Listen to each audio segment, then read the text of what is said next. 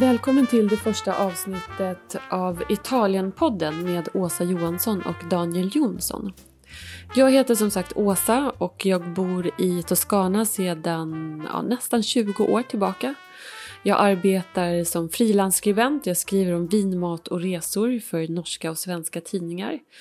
Och jag organiserar och guidar även vinresor till Italien. Så idén med den här podcasten är att berätta om vinet, maten och människorna som jag stöter på under mina resor. Jag gör den här podden med eh, Daniel Jonsson som bor i Stockholm och som arbetar som filmare. Och vi kommer även ha en hemsida där vi kommer ge vintips bland annat. Eh, och den hittar ni på italienpodden.se. På Instagram så heter vi också Italienpodden. Ehm, hör och häpna. Men dagens eh, avsnitt kommer att ge en introduktion till Italien som vinland. Och sen i kommande avsnitt så kommer vi titta närmare på de olika regionerna. Det jag har lärt mig under mina tio år som jag har rest kors och tvärs och fram och tillbaka i Italien, det är att det aldrig ta slut. Det finns alltid någonting nytt att lära sig. Det är faktiskt helt fantastiskt. Och Italien är ju världens största vinproducerande land tillsammans med Frankrike. Och vardera så producerar de ungefär 50 miljoner hektoliter vin varje år. Beroende på vad det är för årgång så varierar det lite vem det är som faktiskt kommer etta. Men i Italien så producerar man vin i alla de 20 regionerna. Och totalt så har man 800 000 hektar med vingårdar. Frankrike ligger på ungefär 745 000 hektar. Och i Sverige så har vi just nu 100 hektar med vingårdar. Rent geologiskt så har ju Italien fantastiska förutsättningar för att göra kvalitetsviner. Vi har Alperna i norr och sen så har vi Apenninerna som går från norr till söder och skapar det som kallas Italiens ryggrad. Och de här två bergskedjorna de täcker 35 procent av Italiens yta. Och tänk sedan att 40 procent är kullar som leder upp till bergskedjorna och då förstår man att det finns väldigt lite plattland kvar. Och det är bland annat därför det finns så mycket får.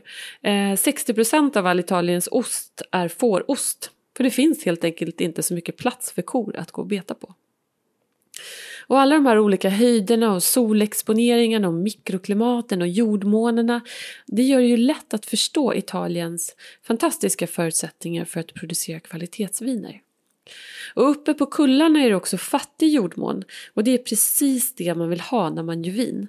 Då får man mindre druvor med tjockare skal i förhållande till fruktköttet. Och det är i skalen som aromer, färg och tanniner sitter. Fruktköttet, med väldigt få undantag, är alltid vitt och består av vatten, olika syror och socker.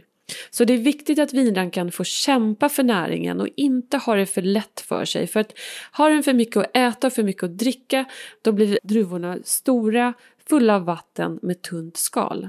Så man ska tänka lite, ja, lite som våra svenska jordgubbar som också får kämpa för att överleva och därför smakar så fantastiskt gott. Om vi tittar på klimatet i Italien så ligger Italien mellan 47 och 45 breddgraden. Så norra Italien ligger på samma altitud som centrala Frankrike medan den södra delen av landet ligger ungefär som södra Spanien och Nordafrika. Och det här ger ju såklart olika förutsättningar. Eh, rent generellt så kan man ju säga att det är kallare och mer regn norrut och varmt och torrt söderut. Sen så har vi ju såklart Apenninerna som går som den här ryggraden så att kommer man upp på höjd så förändras ju såklart förutsättningarna. Men det finns olika druvsorter och olika beskärningssystem så vinrankorna växer på olika sätt på olika platser i Italien. Till exempel om man reser i norra Italien så ser man att vinrankorna växer väldigt högt. För traditionellt sett använder man sig av ett pergolasystem i norra Italien. Ehm, så att vinrankorna växer ungefär två meter högt så man får liksom sträcka sig uppåt för att plocka klasarna. Ehm, och det här gjorde man för att undvika frost och fukt eh, på marken. I södra Italien däremot så eh, låter man vinrankorna, vinrankorna växa eh, som alberello heter det på italienska. Alberello betyder litet träd. Så det är som fristående små buskar eh, som med ett större bladverk och det här gör ju att klaserna skyddas både mot sol och vind. Men det som är så fantastiskt med Italien det är att det finns 600 olika druvsorter. Eh, och det finns inget annat land i världen som har så många olika druvsorter som Italien.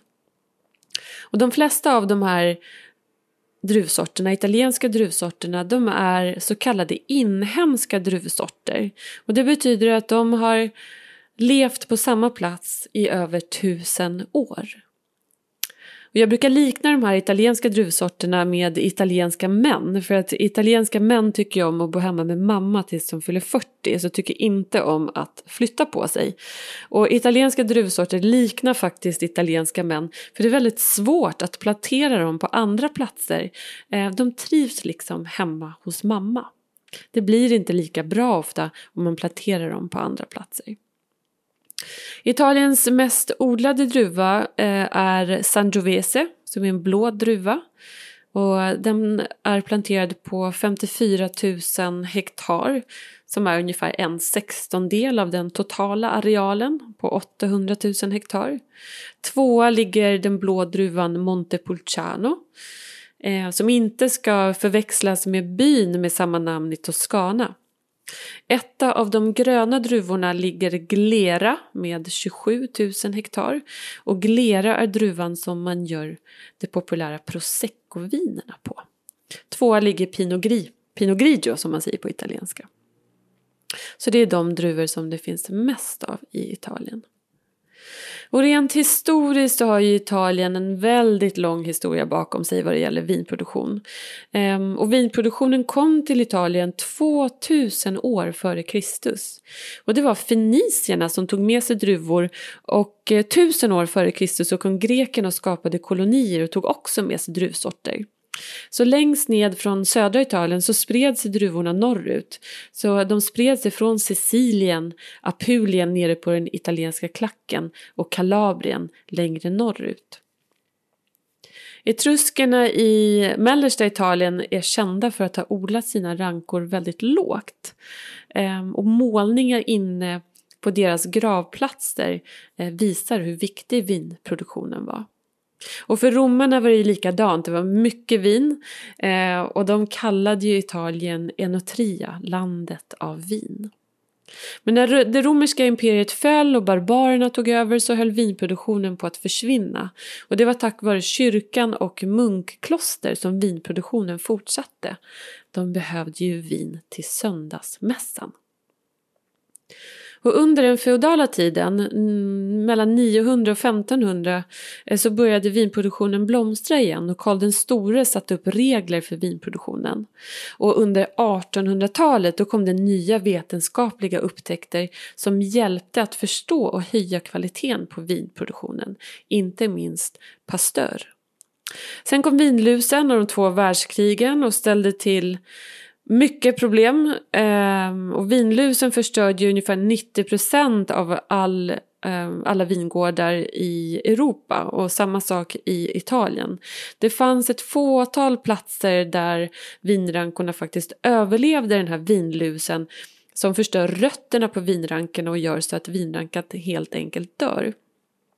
Så det finns en del platser i Italien där eh, vinrankorna har överlevt och det är där det är mycket sandig jordmån eller där det är för kallt för den att överleva den här vinlusen. Och också där det är vulkanisk jordmån så klarade sig en del vinrankor för att vinlusen tycker inte om pH-värdet i den vulkaniska jordmånen. Till exempel på Etna på Sicilien så finns det vinrankor som är över 200 år gamla och som fortfarande producerar druvor. Men idag så ympar man ju på de europeiska druvsorterna på amerikanska rotstockar som är resistenta mot vinlusen.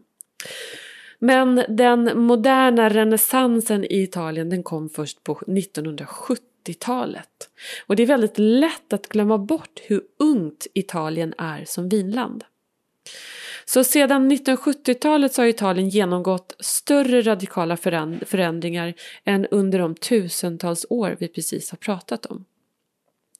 Till exempel så har avskaffandet av La Mezzadria som var ett hälftenbruk, ett sorts feudalt system som fanns sedan ja, medeltiden eh, och det avskaffades först på 1950-talet. Och det var efter det som man började plantera vinfält med bara vinrankor.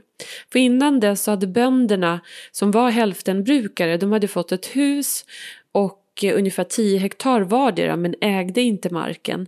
Eh, så de var självförsörjande. Så deras vingårdar, där växte allt lite huller om buller. Det var vinrankor och så emellan raderna med vin så hade man eh, vete och tomater och bönor och så vidare. Man försökte utnyttja all plats man hade tillgänglig så att man hade så mycket mat eh, man kunde för att överleva. Så under hela den här perioden så tänkte man kvantitet och det var först under tidigt 70-tal som man började göra kvalitetsviner i Italien.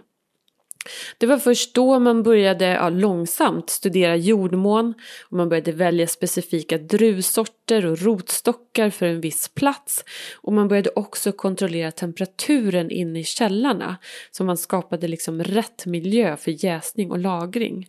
Och just det här med att hålla rent det är jätteviktigt om man vill göra kvalitetsviner. Så innan 1970 så var de flesta vinerna faktiskt från Italien antagligen redan oxiderade innan de buteljerades. Och man började också dra ner på skörduttagen, man började använda rena ekfat och så vidare. Eh, um, de första regionerna att börja med kvalitetstänkande det var Friuli Venezia Giulia i nordöst, Piemonte i nordväst och Toscana. Det stora undantaget vad det gäller kvalitets tänkande det är Piemonte och vinregionen Barolo. Där började man tänka kvalitet redan i mitten på 1800-talet. Och i grannbyn Barbaresco, också i Piemonte, där började man tänka kvalitet 50 år senare än i Barolo. Men vi ska titta närmare på det eh, i kommande avsnitt. Så det här var en kort introduktion till Italien som vinland. Och i kommande avsnitt så kommer vi titta närmare på de olika regionerna. Eh, så jag hoppas att vi hörs snart igen. Ciao!